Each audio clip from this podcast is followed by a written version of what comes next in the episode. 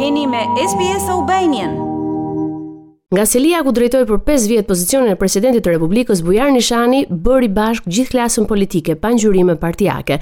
Gjatë 2 orëve në presidencë, trupi i tij u nderua në një ceremoni zyrtare nga funksionarët më të lartë brenda dhe jashtë kufijve. Në ditën e zisë kombëtare, ceremonisë iu bashkuan edhe presidentja e Kosovës Vjosa Osmani, ish-presidenti Fatmir Sejdiu, ish presidenti i Malit të Zi Filip Vujanoviç dhe përfaqësues të trupit diplomatik të akredituar në Tiranë.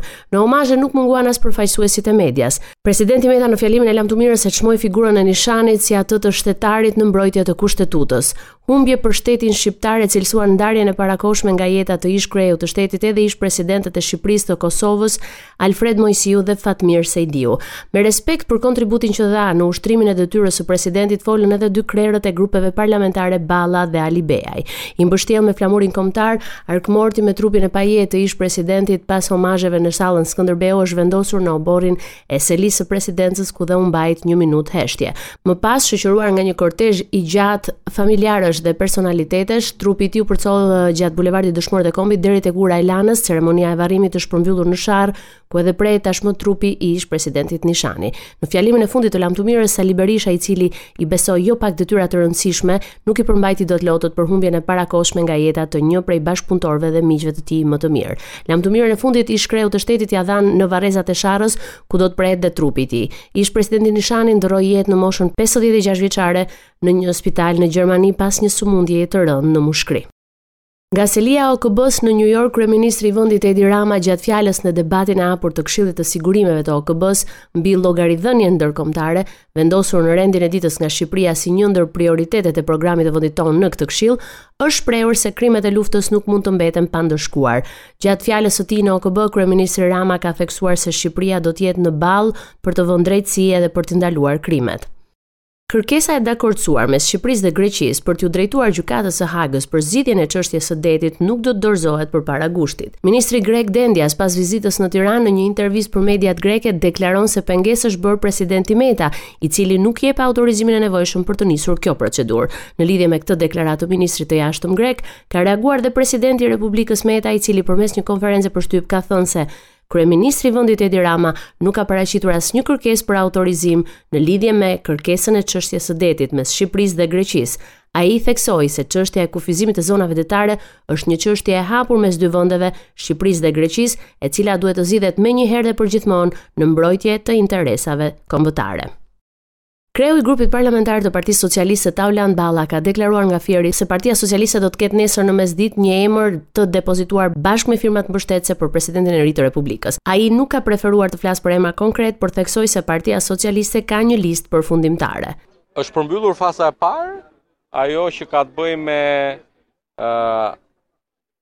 aplikimin e kandidatëve për kryetar të partisë në në gjashtë bashkitë e qarkut tonë.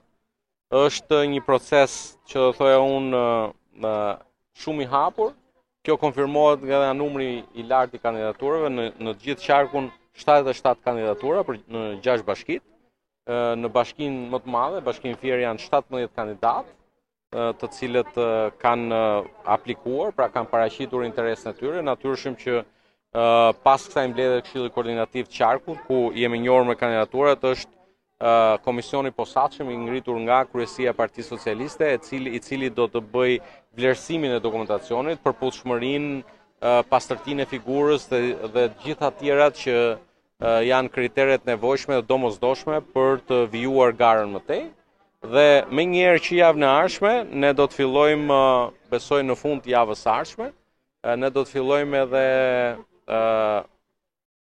paraqitjen e kandidatëve përpara asambleve socialiste të bashkive. Pra, Ne marrim si shembull kandidatët e Mallakastrës do të dalin para asamblesë së zgjeruar të bashkë të, të bashkisë Lushje, të bashkisë Mallakastër, ku do të paraqesin secili prej tyre platformat e tyre do t'i përgjigjen pyetjeve Dhe në këtë mbledhje komisioni i posaçëm do të paraqesë do të bëjë dhe një raport vlerësimi për secilin prej kandidatëve edhe në refleksion të asaj që do të diskutohet në asamblenë. Gjykata e posaçme ka dënuar me 2 vite burg ish drejtorin e Radio Televizionit Shqiptar Thoma Gëllçi për akuzën shpërdorim i detyrës në tenderin për blerjen e pajisjeve për kanalin RTSH Agro. Për shkak të gjykimit të shkurtuar, ai do të vuajë vetëm një vit e katër muaj heqje lirie. Gëllçi gjithashtu u përjashtua nga funksionet publike për 5 vite. Të fajshëm për shkelje të barazisë në tendera u shpallën dhe tre të pandehurit e tjerë të hetuar në të njëjtën dosje. Ata u morën nën hetim nga SPAK në tetor 2021 pas një hetimi të kryer për tenderin me vlerë 86 milion lekë në vitin 2018. Avokati i Gëllçit tha se nuk u bë drejtësi dhe se ka pasur persona të interesuar për dënimin e tij. Sipas prokurorisë së posaçme, Gëllçi në cilësinë e drejtuesit dhe tre zyrtarët e tjerë pjesë e komisioneve përzgjedhëse kanë favorizuar kompaninë fituese nëpërmjet kritereve të vendosura. Mbrojtja dhe vetë Gëllçi i kanë hedhur poshtë këto akuza. Gjykata e Strasburgut ka rrëzuar kërkesën e kompanisë Agonset të biznesmenit italian Beketi, i cili pretendonte se nga shteti shqiptar i është shkelur e drejta e lirisë së shprehjes, pasi nuk ishte ftuar të merrte pjesë në procedurat për marrjen e licencës për transmetime digjitale, kur televizioni i tij operonte për tregun mediatik shqiptar. Gjykata e të drejtave të njeriut në Strasburg e rrëzoi këtë padi si të papranueshme. Ajo pranoi argumentet e paraqitura nga qeveria shqiptare se nga ana e Agonset Nuk është ndjekur më parë rruga ligjore në gjykatat shqiptare, kusht ky për t'iu drejtuar gjykatës së Strasburgut. Për këtë arsye e ka cilësuar si të papranueshme kërkesën. Gjykata e Strasburgut thotë se ankuesi duhet të argumentonte para autoriteteve kombëtare se në rrethanat e çështjes në fjalë ishte shkelur e drejta e saj për lirinë e shprehjes dhe e drejta e saj për të mos u diskriminuar, por këto veprime nuk janë kryer nga ankuesi. Kompania Gronset e dorëzoi në vitin 2015 padinë kundër Shqipërisë.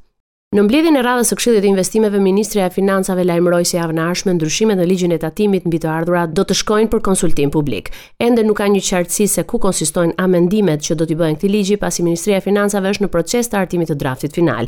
Nga deklarimet e bëra nga Ministria e Financave, këto ndryshime lindën si domosdoshmëri për të përfshirë dhe profesionet e lira, pasi aktualisht ato trajtohen si biznese të vogla që nuk paguajnë as TVSH, as tatim fitimi.